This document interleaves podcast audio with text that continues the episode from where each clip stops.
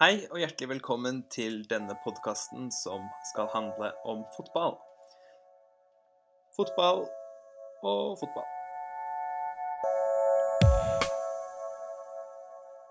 Ja, den ønsker jeg velkommen til denne tredje episoden av Fotball, fotball, fotball.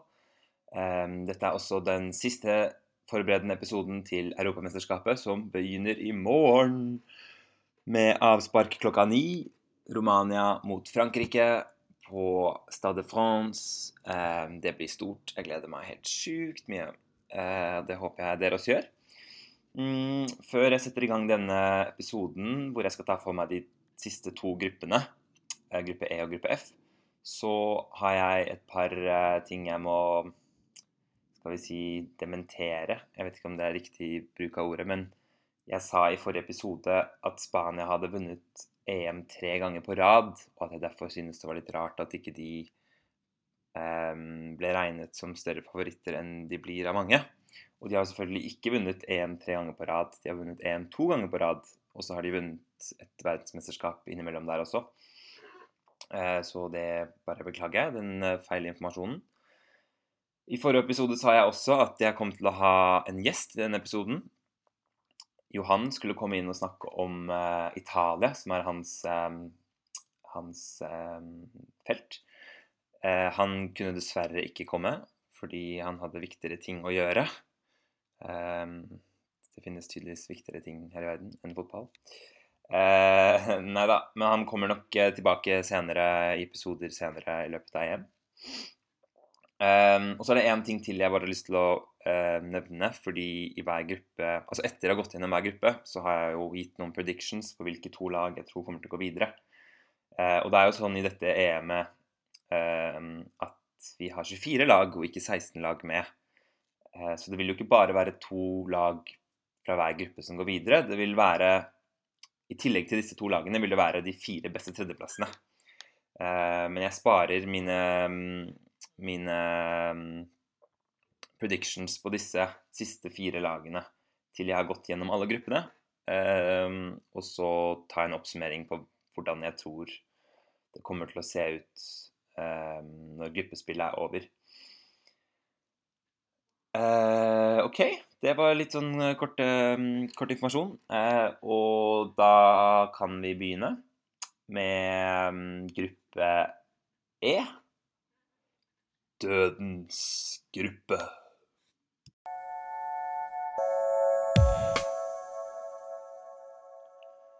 Ja, gruppe E blir jo da av mange kalt Dødens gruppe, og jeg vil vel si meg enig i den eh, beskrivelsen.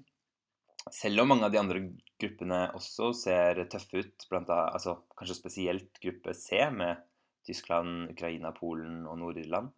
Eh, også gruppe D med Spania, Tsjekkia, Tyrkia og Kroatia syns jeg ser ut som en tøff gruppe. Men gruppe E eh, består jo da av Belgia, Italia, Irland og Sverige.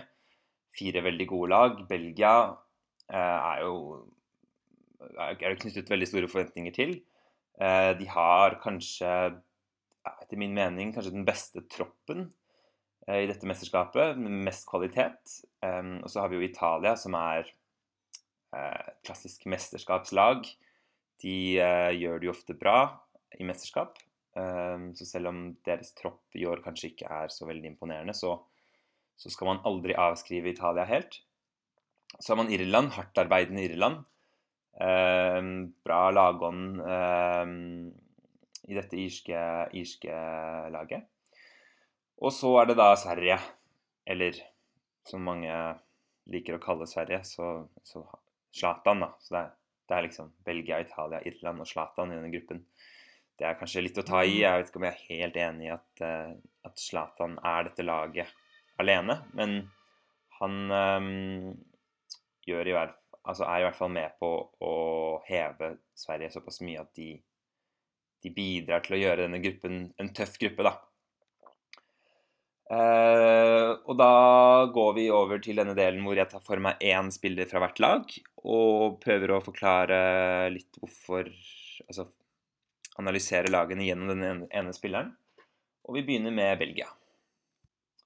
Belgia har da, eh, som sagt etter min mening, kanskje den beste troppen. Eh, ekstremt mye talent eh, gjennom hele laget, egentlig. Men de har også noen bekymringspunkter. Altså Kanskje først og fremst når det kommer til spissplassen. De har jo mange gode spisser med seg. Benteke, Origi, Lukaku, eh, Batsoi om man sier det riktig. Batsui, Batsayoi, Marseille-spissen. Og De Potre. Eh, men av 24 mål Belgia skåret i kvaliken, så kom bare fire av disse målene fra Belgias spisser. de skårte liksom ett hver. Så det blir spennende å se om, om dette løsner litt i uh, mesterskapet vi har foran oss. Og Lukaku er jo i stor form, så, så har, altså Lukaku har skåret fire mål på de siste fire kampene for Belgia. Fire siste treningskampene. Og det er vel rimelig å tro at Lukaku nå er på utkikk etter en ny klubb. At han ser seg litt ferdig i Everton, så han kommer til å ha mye mm, Det kommer ikke til å stå på viljen da, hos Lukaku. Og det står ikke på formen heller, så vi får se. Eh, men spilleren jeg har valgt å ta for meg for Belgia, er ikke Romelu Lukaku. Det er Radia Nangolan. Eh, han er 28 år gammel, spiller til daglig i Roma. Og er sentral eh, midtbanespiller. mange vil kanskje beskrive han som en defensiv midtbanespiller. Men jeg tror en mer passende beskrivelse er en box to box At han er en box to box-spiller. Han bidrar defensivt og offensivt eh, på en og samme gang.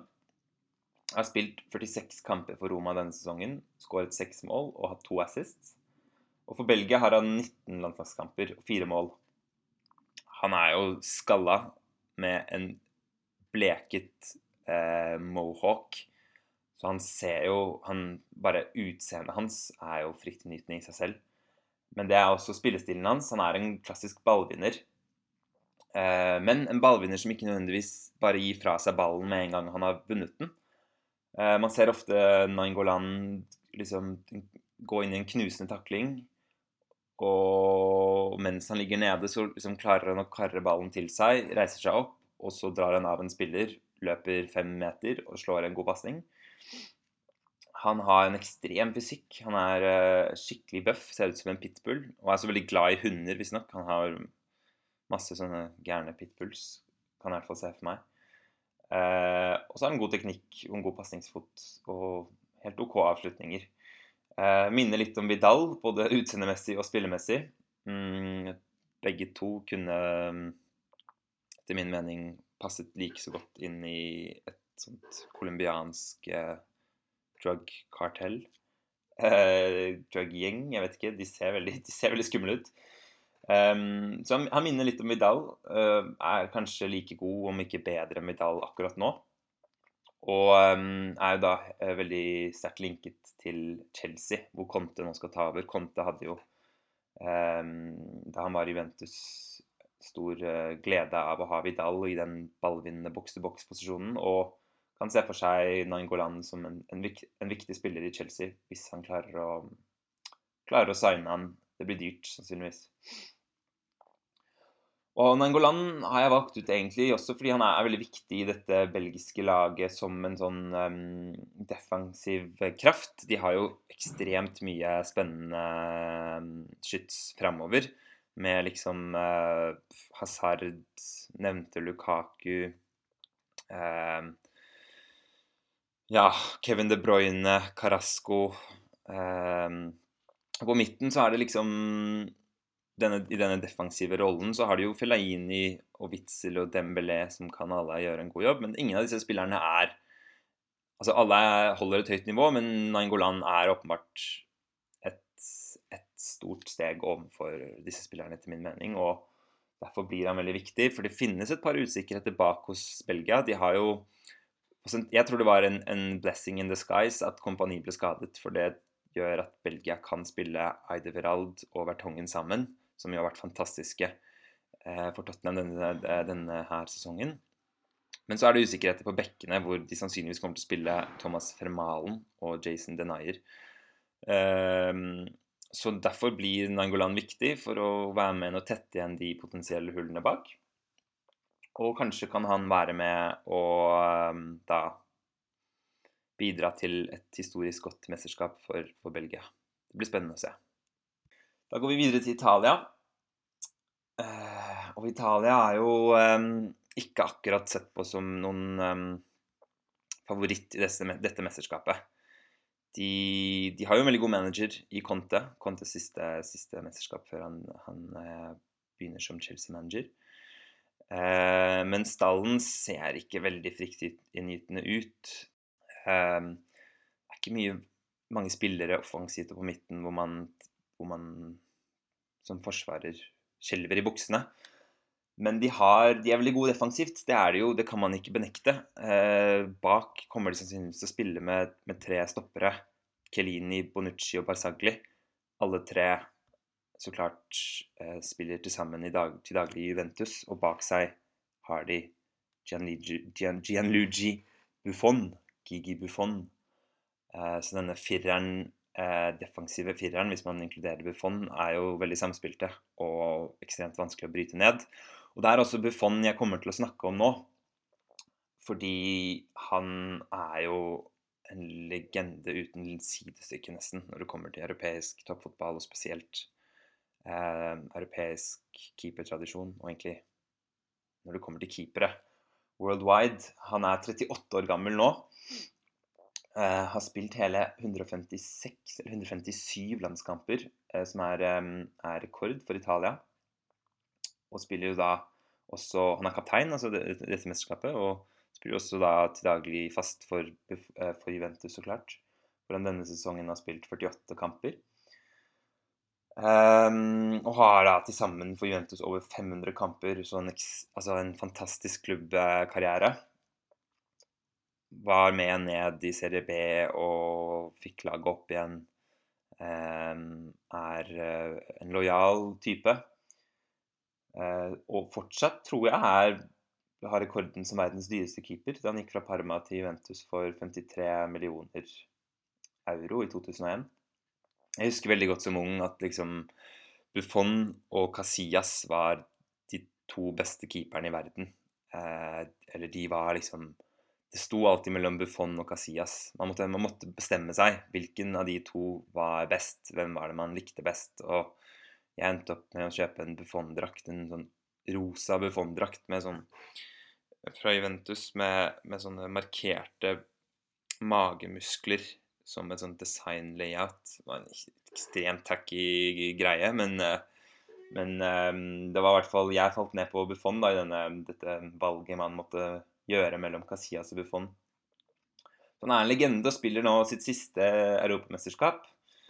Han har sagt at han gjerne vil spille VM om to år. Det blir eh, interessant å se om han fortsatt er førstevalget da. når han, eh, eh Da vil han jo være 40 år gammel. Men man skal ikke utelukke det helt, for han spiller fortsatt ekstremt godt. Har hatt en fantastisk sesong for Juventus. Og jeg lurer på om han hadde en periode hvor han hadde nesten 1000 minutter uten å slippe inn mål. Og disse 1000 minuttene uten å slippe inn var jo også da mye takket være dette sterke forsvaret, som også spiller for Italia. Så jeg mener ikke man skal avskrive Italia helt. Det kan man ikke gjøre. De har jo veldig sånn en opp og ned-kurve, hvis man kan kalle det det. Uh, hvis man ser på, går tilbake til liksom 2004, da. Uh, EM var jo et forferdelig Nei, EM, ja. Et forferdelig EM for, um, for Italia, det. Og da Zlatan skårte på dette hel, berømte helsparket. Og så vant de jo i 2006. Um, så da var det suksess under Lippi. I 2008 så ble de slått ut av Spania. Det kan man liksom ikke klandre noen for. Uh, og så var det i 2010 i Sør-Afrika, slått ut av gruppespillet. Og så neste mesterskap, EM i 2012, så var det jo i finalen. Og så var det dette skuffende skuffende VM-mesterskapet for to år siden. Eh, hvor de heller ikke gikk videre fra gruppen.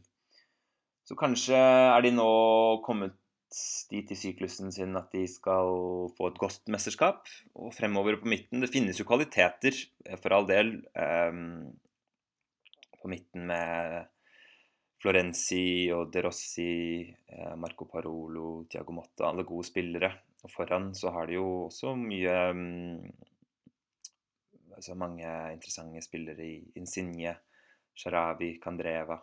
Graziano Pelé har ikke fått spilt så mye for Southampton i det siste, men, men er, er, på en måte Italias målskårer. Har vært det det siste året. Uh, Immobile, Sasa, Eder Mange potensielt gode spillere, men de har ikke den klassen som, som kanskje trengs for å, for å, gjøre det ordentlig bra. Men uh, med Buffon bak så, og dette gode forsvaret, så kan jeg også se for meg Italia bare spille klassisk italiensk og legge seg bakpå og, og komme, komme, komme, langt. OK, da har vi kommet til Irland. Eh, stor entusiasme i Irland eh, nå til dags for at de er med i EM. Eh, de er et veldig hardtarbeidende lag, løper mye, har god spirit.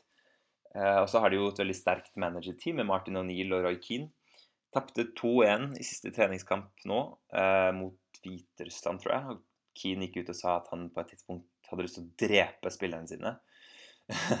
og hvis du har Keane stående på sidelinjen med et ønske om å drepe deg, så kan jeg se for meg at man eh, blir pushet til å prestere. Uh, denne kampen mot Hviterussland de hadde, hadde ikke et, et, toppet lag, og jeg tror ikke man skal lese for mye inn i det resultatet. For med sin 4-2-3-1-formasjon, sterke bekker, Robbie Brady og Seamus, eh, Coleman og en veldig løpssterk midtbane, så um, jeg har med McCarty og Glenn Whelan. Så har de et godt fundament. Og så har de på topp spillerne jeg skal snakke om i dag, Shane Long. 29 år gammel, spiller til daglig for Southampton. Jeg kan huske å ha sett husker da Shane Long spilte i, i West Brom. Um, som gikk dit i 2011, tror jeg. Og jeg bare husker han som veldig uspektakulær, egentlig. Uh, så da han ble linket til Hull uh, i 2000 og, 2013 um, Før 2013-2014-sesongen, så tenkte jeg sånn Hæ, hvorfor for, Fordi da så jeg på Hull som et, et, godt lag. De hadde jo satset masse og kjøpt Jeg lurer på om det var den sesongen de kjøpte Abel Hernandez, blant annet. Og jeg så på en overgang uh, for Shane Long fra West Brom til Hull som Altså, da går du fra uh, Det er et steg opp i karrieren, da. Skjønte ikke helt hvorfor. Fordi West Brom hadde han hatt da liksom Og spilt 87 kamper, uh, skåret 22 mål, som ikke er noe sånn fantastisk, fantastisk statistikk. Uh, og hadde da en halv sesong i Hull hvor han spilte 15 kamper. Skårte fire mål, heller ikke fantastisk. Og da han da ble linket til Southampton, og til slutt gikk til Southampton, tenkte jeg jeg skjønner, hva er det folk ser i denne karen? Men det har nå gått opp for meg. Um, fordi man kan ikke se på Shane Longs statistikk. For å, man kan ikke lete etter hans kvaliteter i statistikken. Fordi han er en type spiller som eh, Han er rask, og han jobber hardt. Og drar med seg forsvarsspillere i i den ene og den andre retningen og lager mye rom for medspillerne sine. da. Og er veldig viktig i opp, opp, oppbyggingsspillet så vel som det defensive presset Southampton og da Irland nå i EM kommer til å være avhengig av å, å lykkes i. Og han har jo også for så vidt forbedret sine statistikker når han har gått i Southampton. Har hatt eh, Første sesongen sin så spilte han 16 kamper, fem mål og fem assists. Og denne sesongen så har han spilt 23 kamper fra start med ti mål og fire assists. Så, og han, han, er på en måte Symboliserer litt dette laget hvor eh, det, må løpes, det må løpes mye for at eh, Irland skal kunne komme seg gjennom gruppen og, og ha et, um, et, godt mesterskap. Siste lag i gruppe E, dødens gruppe, er Sverige. Uh, vårt naboland. Og som, som nevnt tidligere, så er det jo mange som ser på Sverige som Zlatan. Zlatan er Sverige, Sverige er Zlatan. Eh, og mm, det ligger jo noe i det. Av 19 mål Sverige skåret i kvaliken, så har Zlatan, sto Zlatan for 11 av målene. Eh, så er, de er jo åpenbart avhengig av Zlatan når det kommer til målskåring.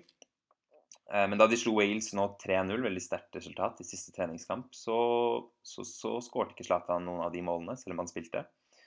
Så det bor jo, bor jo, bor jo annet talent i dette laget.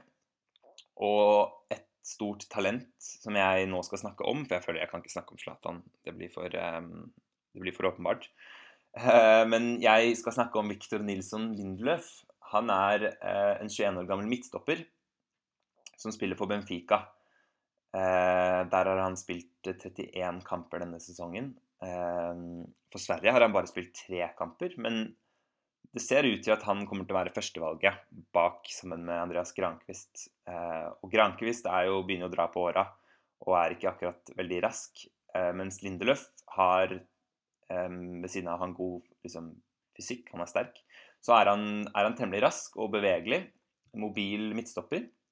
Et stort talent. Uh, han var uh, under U21-EM eh, i 2015 så kom han på, på liksom, mesterskapets beste lag. Eller han ble Sverige vant jo dette mesterskapet, overraskende nok. Og han kom på, kom på top 11 i det mesterskapet. Eh, og han er en ganske moderne type. Moderne spiller. Han har en god pasningsfot. Han er den type midtstopperen som uh, Når han får ballen, står med ballen bak uh, og ser etter muligheter for å spille opp spisser eller midtbanen, så tar han gjerne og akselererer forbi førsteforsvarer til motstanderlaget.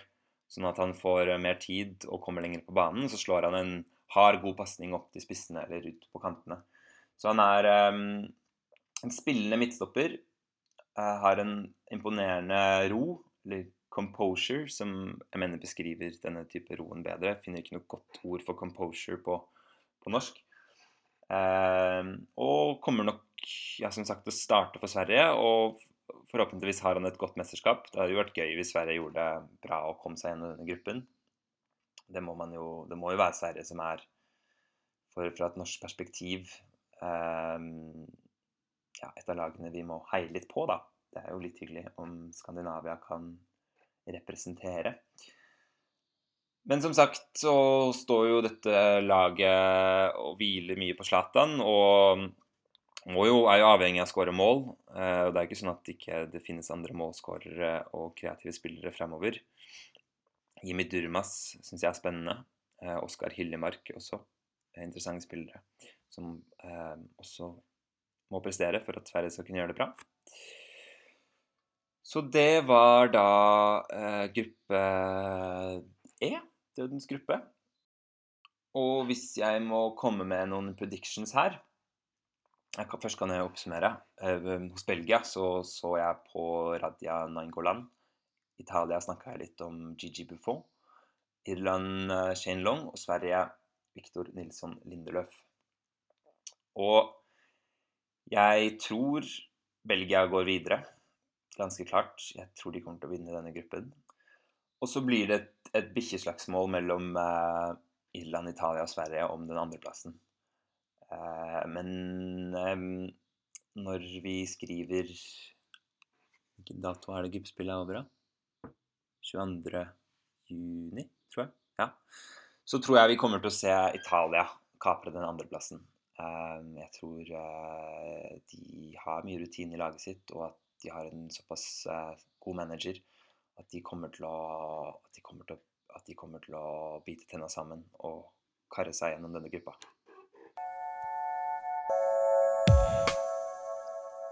Da har vi kommet til siste gruppe, og det er gruppe F, bestående av Portugal, Østerrike, Island og Ungarn. Og vi begynner med Portugal.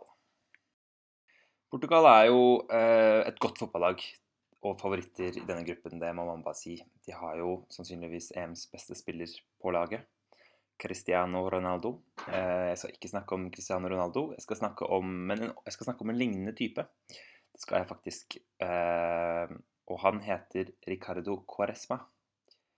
Og er eh, fra jeg var liten av Da var han en av mine yndlingsspillere. Det husker jeg veldig godt. Eh, han, så han har vært i gamet en stund. Er nå 32 år gammel. Spiller som wing som regel, altså offensiv midtbane, men ute på, ut på kantene. Og er nå i Besjiktas, der han denne sesongen har spilt 37 kamper, skåret fem mål og hatt åtte assists. Og Koresma er Eh, en driblefant, kan man si. Det kan man si. Eh, men har hatt eh, en veldig turbulent karriere. Eh, vært, var stort talent i sporting og ble solgt til Barcelona eh, starten av 2000-tallet, og man hadde store forventninger til ham. Der var det, I Barca var det null suksess, skader og mye som eh, hindret han i å, å, virkelig blomstre. Og han gikk tilbake til Portugal for å spille for Porto etter de vant Champions League. Eh, hadde, god, hadde, noen gode år i Porto og gikk videre til Inter, hvor han ikke fant seg til rette i det hele tatt og ble kåret til verste spilleren eh, Altså verdens verste spiller, eller noe sånt. Eh, en sesong i 2008 eller noe sånt. Gikk på kort lån til Chelsea, heller ikke noe stor suksess. Og da begynner man å regne opp et par år her hvor det ikke har eh, vært så mye suksess for, uh, for Quaresma. Gikk deretter til Besjiktas, hvor han spilte bra og ble en slags type klubbhelt. Før han gikk til Al-Ali. Eh, var der en sesong. Men eh, så skjedde det noe interessant i Quaresmas karriere, for han dro tilbake igjen da til Portugal og til Porto. Og der ble han da møtt av 10 000 fans på første trening, eh, som var der for å hylle han og hylle hans hjemkomst. Så han har vært alltid veldig populær i Portugal. Eh, og gikk da, har da gått tilbake til Besjiktas nå, spiller, spiller der. Ble også da møtt av tusenvis av fans på flyplassen da han gikk tilbake til Besjiktas. Enda mer interessant eh, enn klubbkarrieren hans er kanskje landslagskarrieren hans. Fordi han hadde sin landslagsdebut i 2003. Men når det kommer til mesterskap, så ser det ikke så bra ut for Ricardo Coresma. Han, ble, han var skadet i EM 2004, mm. så var ikke med da. Uh, han ble utelatt i 2006. Han spilte så vidt i 2008. Uh, eh, nok en gang utelatt i 2010. Eh, så var han med i 2012, men spilte ikke i det hele tatt. og så var han utelatt forrige VM i 2014. Men nå er han altså med, og han er i storform.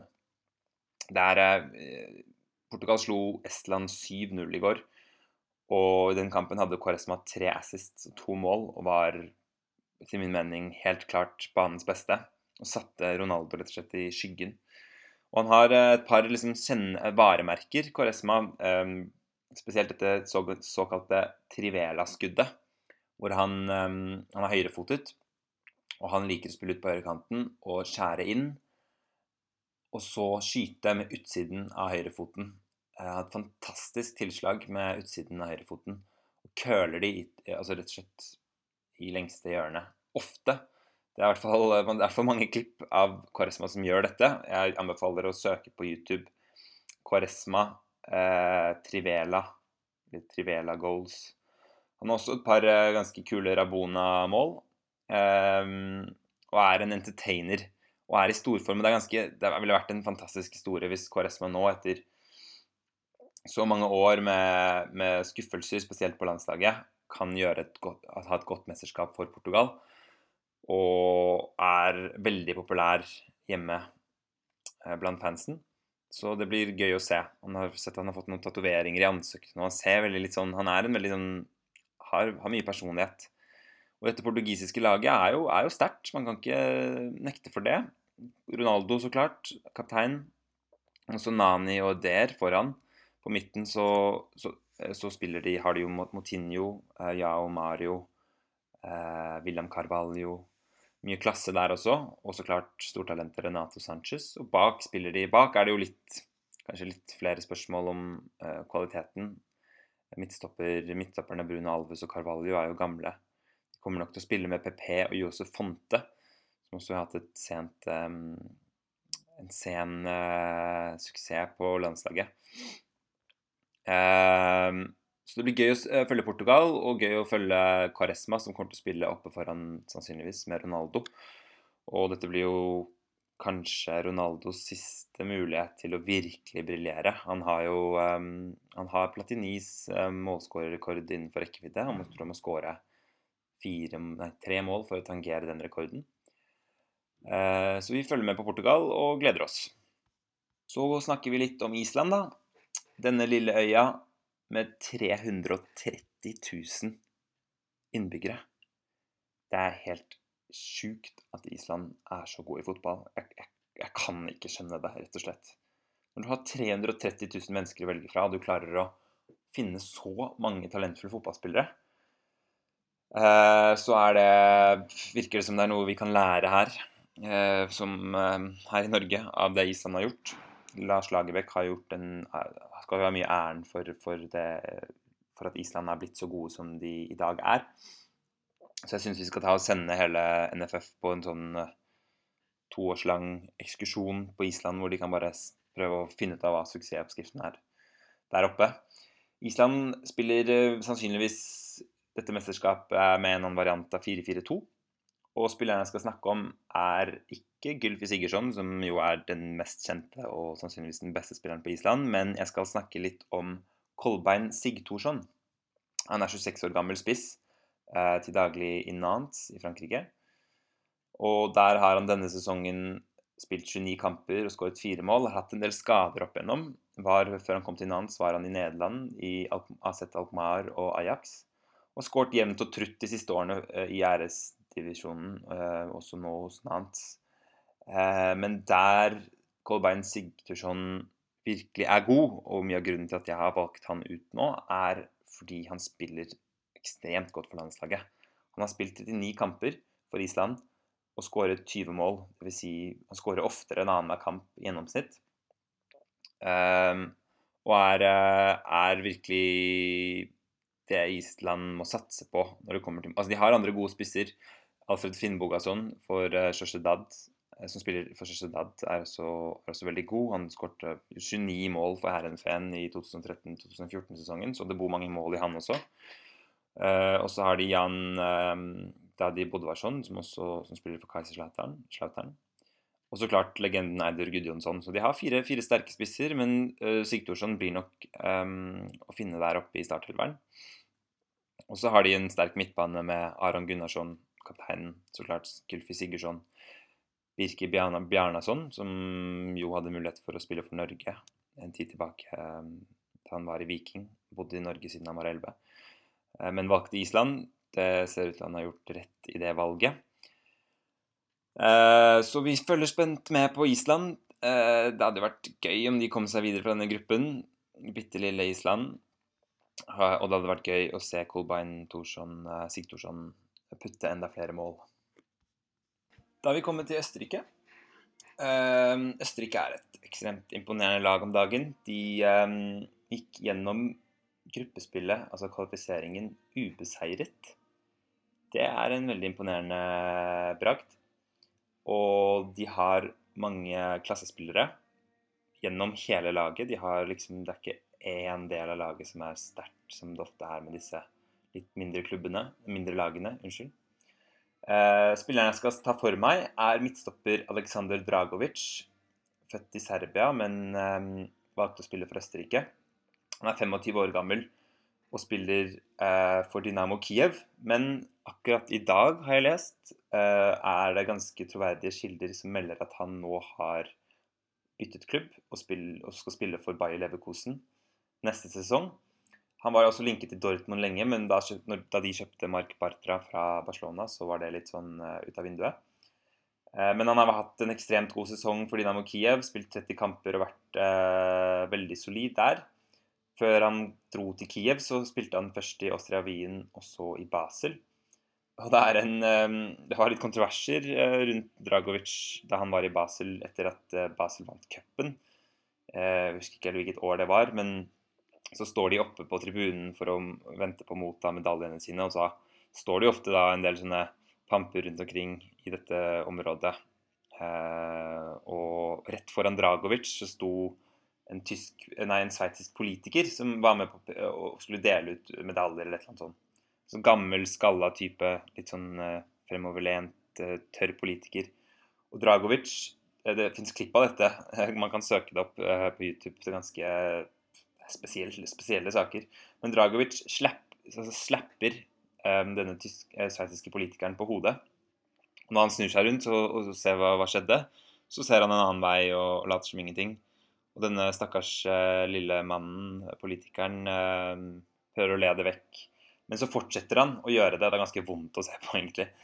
Og fikk mye kritikk for dette, og, men svarte at um, jeg hadde det gøy. Jeg kommer ikke til å forklare, jeg kommer ikke til å unnskylde meg.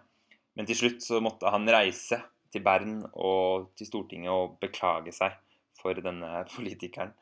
Men han har vokst siden den tid og er nå en, en moden type, virker det som. Sterk og rask midtstopper som eh, jeg tror helt fint kunne spilt i, for bedre lag enn Bayer Leverkosen, selv om Bayer Leverkosen er et veldig godt lag. Eh, og han går da inn i dette um, Spiller jo da så klart fast for dette uh, østerrikske laget, som har som sagt mange sterke ledd. Bak så har de jo eh, Kevin Wimmer, eh, Christian Fuchs, som nylig vant Premier League med Leicester. Sebastian Prødel, mange gode spillere. Florian Klein, som spiller for Stuttgart. Og på midten, det er kanskje det sterkeste leddet i dette laget. fordi der har de sin stjernespiller David Alaba, som for Østerrike spiller på midten. Uh, Julian Baumgartlinger, som er uh, ballvinneren i laget, spiller i Mainz til daglig. Og så klart Marko Arnautovic fra Stoke, med dette, som har kanskje det styggeste håret jeg vet om. Ass. Denne skinna på siden med en sånn man-bun. Og er ikke en, er min mening en veldig sympatisk type, men han er uh, fordømt, for, fordømt god.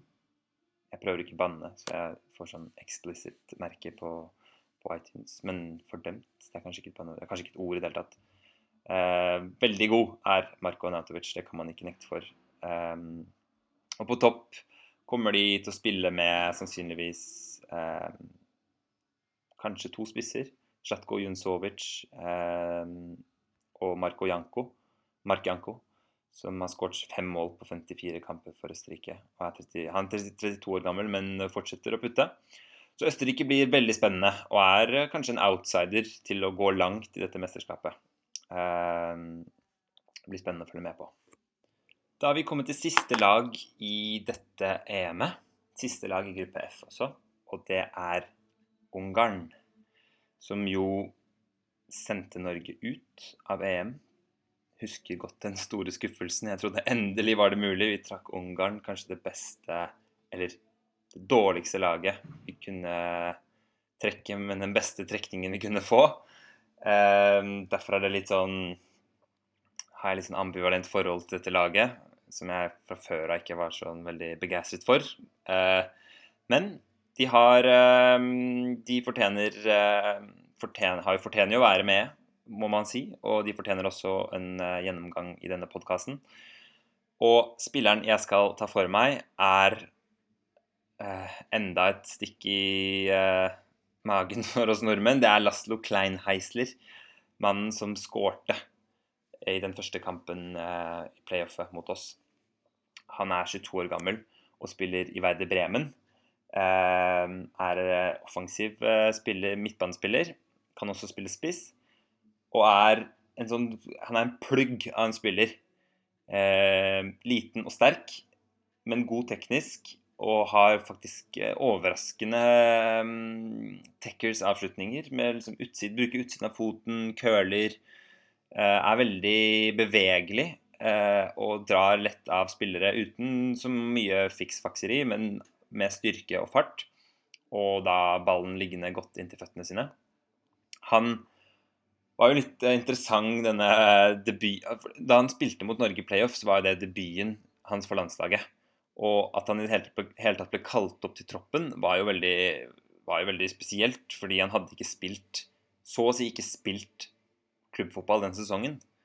Eh, Pga. at han nektet å underskrive en ny kontrakt for, eh, for klubben han spilte i da, Videoton. Eh, som ikke ville selge han heller. Så han ble satt ned på B-laget, men allikevel kalt opp det, unga, det ungarske landslaget og skårte da mot Norge. Jeg vil ikke si egenhendig sendte oss ut, men var i hvert fall en del av den lille norske fiaskoen der. Så så han da, fikk han da etter hvert lov til å forlate Videoton på utlån. Eh, først til eh, Hva var det? Puskas, moderklubben hans. Før han gikk til Veide Bremen i vintertransfermarkedet som gjør en god overgang for en spiller som Klein Heisler. Men det betyr jo at det bor noe i han, og han er jo fortsatt ung. Og blir veldig spennende å følge egentlig i dette ungarske laget, som er ganske forutsigbart. Det er en av svakhetene til dette laget. Men eh, Klein er på ingen måte en forutsigbar spiller. Og kanskje kan han være med på å endre dynamikken offensivt, i dette laget. Altså Av 14 mål Ungarn skårte i kvaliken, så var åtte av dem fra dødballsituasjoner. Enten cornere eller frispark hvor, som ble skåret på direkten, eller altså klabb og bab, og så mål for Ungarn. Så kanskje kan han kan Klein Heisler Eh, Paul Scholes, eller Scholes som han blir kalt pga. oransje, korte håret hans og at han er kort.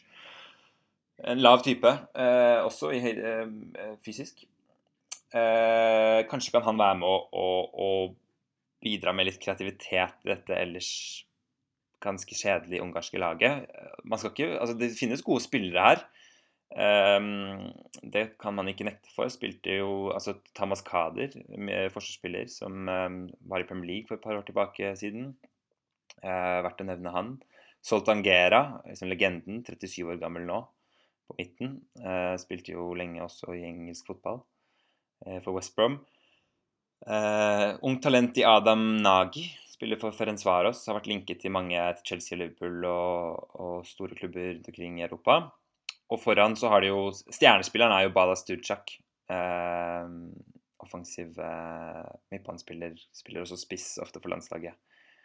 Uh, og mye av spillet dreier seg rundt Tudjak.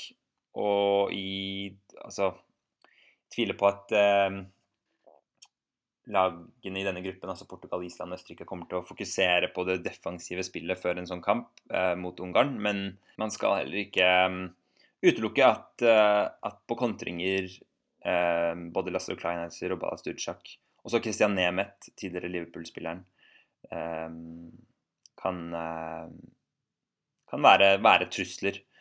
Og kan by på litt problemer. Og så, og så, må vi jo snakke bitte litt om, om, om keeperen til, til um, Ungarn, Gabor Kirali, joggebuksemannen. Eh, som kan bli Han er 40 år, han kan bli den eldste, eldste spilleren i EM noensinne hvis han eh, starter, noe han kommer til å gjøre. Det er ganske fantastisk, eh, egentlig. Ja, det, er, det, hadde vært morsomt å se Gabor Kirali spille. Han kommer vel til å spille i den joggebuksen, og jeg tror det liksom er greia hans. Ja. Men hvis vi får noen sånn varme kvelder i Frankrike med sånn tre, rundt 30 grader, og han skal stå i denne, denne joggebuksen, det, det, det, gleder jeg meg til å se, da, i hvert fall kanskje det jeg gleder meg mest til å se med dette ungarns, ungarske laget. Da er vi gjennom alle gruppene. Eh, og gruppe F, der snakka jeg om Ricardo Quaresma for Portugal. Eh, Sigthorsson for Island. Eh, Dragovic for Østerrike. Og da godeste Laslo Klein Heisler for Ungarn. Og om jeg skal tippe kommende predictions her, så jeg, føler jeg meg temmelig sikker på at Portugal går videre. Og jeg tror også Østerrike blir for sterke for Island. De har momentum, de har vært i god form veldig lenge. Var helt oppe som ranket som nummer ti i verden på Fifa-rankingen, tror jeg, på et tidspunkt. Og har, eh, har mange Altså er, er, solide tvers igjennom. Men Island kan så klart stjele poeng fra både Portugal og Østerrike. Så eh, denne gruppen er på ingen måte ingen måte avgjort før vi er i gang. Ok, som nevnt tidligere så er det jo slik i dette EM-et at eh, vi har eh, plutselig fått åtte nye lag med. Og det betyr også at det blir eh, flere lag som går videre. Og til nå har jeg bare gitt predictions på to lag per gruppe. Og nå skal jeg derfor prøve å, å legge til disse siste fire lagene som, eh, som eh, jeg tror kan komme seg gjennom gruppespillet som beste tredjeplass, altså gjennom å være beste tredjeplasslag. Og altså, En enklere måte å tilnærme seg dette på er egentlig, i og med at det bare er åtte lag som ikke går videre, som jo er jo etter min mening kanskje ikke ideell, et ideelt oppsett i et mesterskap. At liksom, det er flere lag, såpass mange lag som går videre, og bare åtte lag som ikke går videre. Det betyr jo at man kan i prinsippet komme videre fra gruppespillet med å spille uten å vinne en kamp. da, Tre uavgjorte kamper. Eh, men eh, vi må allikevel eh, komme med noen eh, bets, da. Og jeg tror Altså, det er nesten lettere å velge åtte lag man ikke tror går videre, enn 16 eh, lag man tror går videre. Og de lagene jeg ikke tror går videre, det er eh, Har jeg laget en liten liste her for meg selv. Jeg tror ikke Albania er sterke nok. Jeg lurer på om Albania hadde bare, Det var bare ett lag i, i EM-kvalifisering som hadde færre skudd på mål enn Albania, og det var Gibraltar. Så de, har bare rett og slett ikke, de er rett og slett ikke farlige nok. Og så tror jeg, er, tror jeg ikke Nord-Irland klarer det. Tapte 3-0 eh, mot Sverige Nei, det var Wales som gjorde det. Eh, nei, jeg tror bare at Nordland ikke har nok kvalitet innom laget. De belager seg for mye på, på løpet. Og de møter jo Tyskland, Ukraina og Polen, lag som, som jeg tror lett kan spille rundt Nord-Irland. Jeg er litt skeptisk til Tsjekkia. Jeg tror ikke de har de, de virkelig, eh, den klassen de trenger for å gå, gå, videre i denne gruppen. De møter tre veldig vanskelige lag. Jeg kan vanskelig se for meg at Tsjekkia får mange poeng mot Spania, Tyrkia og Kroatia. Kanskje hvis Thomas Rosicki har et uh, supergodt mesterskap, så kan de klare det. Og Darida, som vi snakka om uh, i uh, forrige episode. Sverige tror jeg heller ikke kommer til å klare det, dessverre. Zlatan er god, og de har mye kvalitet i laget, men de også spiller i en veldig vanskelig gruppe. Jeg tror heller ikke Irland kommer til å få nok poeng i denne gruppa og gå videre. Jeg tror Italia og Belgia blir vanskelig å bryte ned, og dermed blir det vanskelig å få nok poeng og skåre nok mål. Jeg tror heller ikke at Russland klarer det. De har jo de siste bare uken eh, fått eh, masse problemer med skader. Eh, Denisov, deres liksom midtbaneanker, og Shirokov også er, ser ut nå til å være skadet. Og jeg tror bare ikke de kommer til å klare det, rett og slett. Det er uh, fått, å få en sånn Psykologisk er jo det en, en, en, et, et, hardt slag å ta sånn rett før mesterskapet begynner. Irland, som sagt, det har jeg allerede nevnt. Eh, Ungarn tror jeg heller ikke går videre. Er ikke nok kvaliteter i dette laget. Romania også tror jeg må um, se seg fornøyde med bare å ha det gøy i gruppespillet. Og Det betyr da at de fire lagene jeg tror kommer til å klare det uh, å komme videre uh, som tre gode tredjeplasser, det er Slovakia. Jeg tror dette laget har uh, nok fighting spirit, og at Hamsik kommer til å styre dem videre fra gruppespillet. Det er Ukraina. Eh, det er kanskje det laget jeg er mest skeptisk til av eh, tredjeplassene. Det kan fort bli Sverige eller Tsjekkia eller kanskje Irland som, som tar den plassen istedenfor Ukraina. Men med Konoplyanka og uh, Jarmolenko, og så klart, som vi snakka om, Aleksandr Sinchenko, og også Viktor Kovalenko, som er et stort talent, så tror jeg de har Altså, all den kreativiteten på midten, um, det lover godt for Ukrainas del. Så tror jeg også Tyrkia kommer til å klare det. Uh, og også da til slutt Island. Det hadde vært gøy. Ok, da gjenstår det bare å takke for følget i denne tredje episoden av podkasten Fotball, fotball, fotball. Uh, ja. Jeg, eh, som sagt tidligere mange ganger, så har jeg målet med denne podkasten at de som hører på, ikke skal kjede seg. At de kanskje skal ha det litt gøy, og at de lærer noe om et eller annet. Eh, det kommer flere episoder nå som EM begynner. Eh, litt usikkert når og hvor ofte og den slags, men jobber, jobber med ideer uh, as we speak. Hyggelig om du har lyst til å si din mening om podkasten og rate den inne på iTunes, og kanskje skrive en liten review også. Og så har jeg oppretta en Twitter-profil. det Jeg vet ikke. Jeg følte jeg måtte gjøre det. Mm, og den kan følges hvis dere vil. Eh, fotball x3, altså fotball ganger 3. Fotball, fotball, fotball. Eh, det er username at fotballx3. Eh, flott. Da ønsker jeg alle et flott mesterskap. Det blir, det blir kjempegøy. Jeg gleder meg utrolig mye. Så mye bra fotball i vente. Og uh, vi, vi snakkes snart.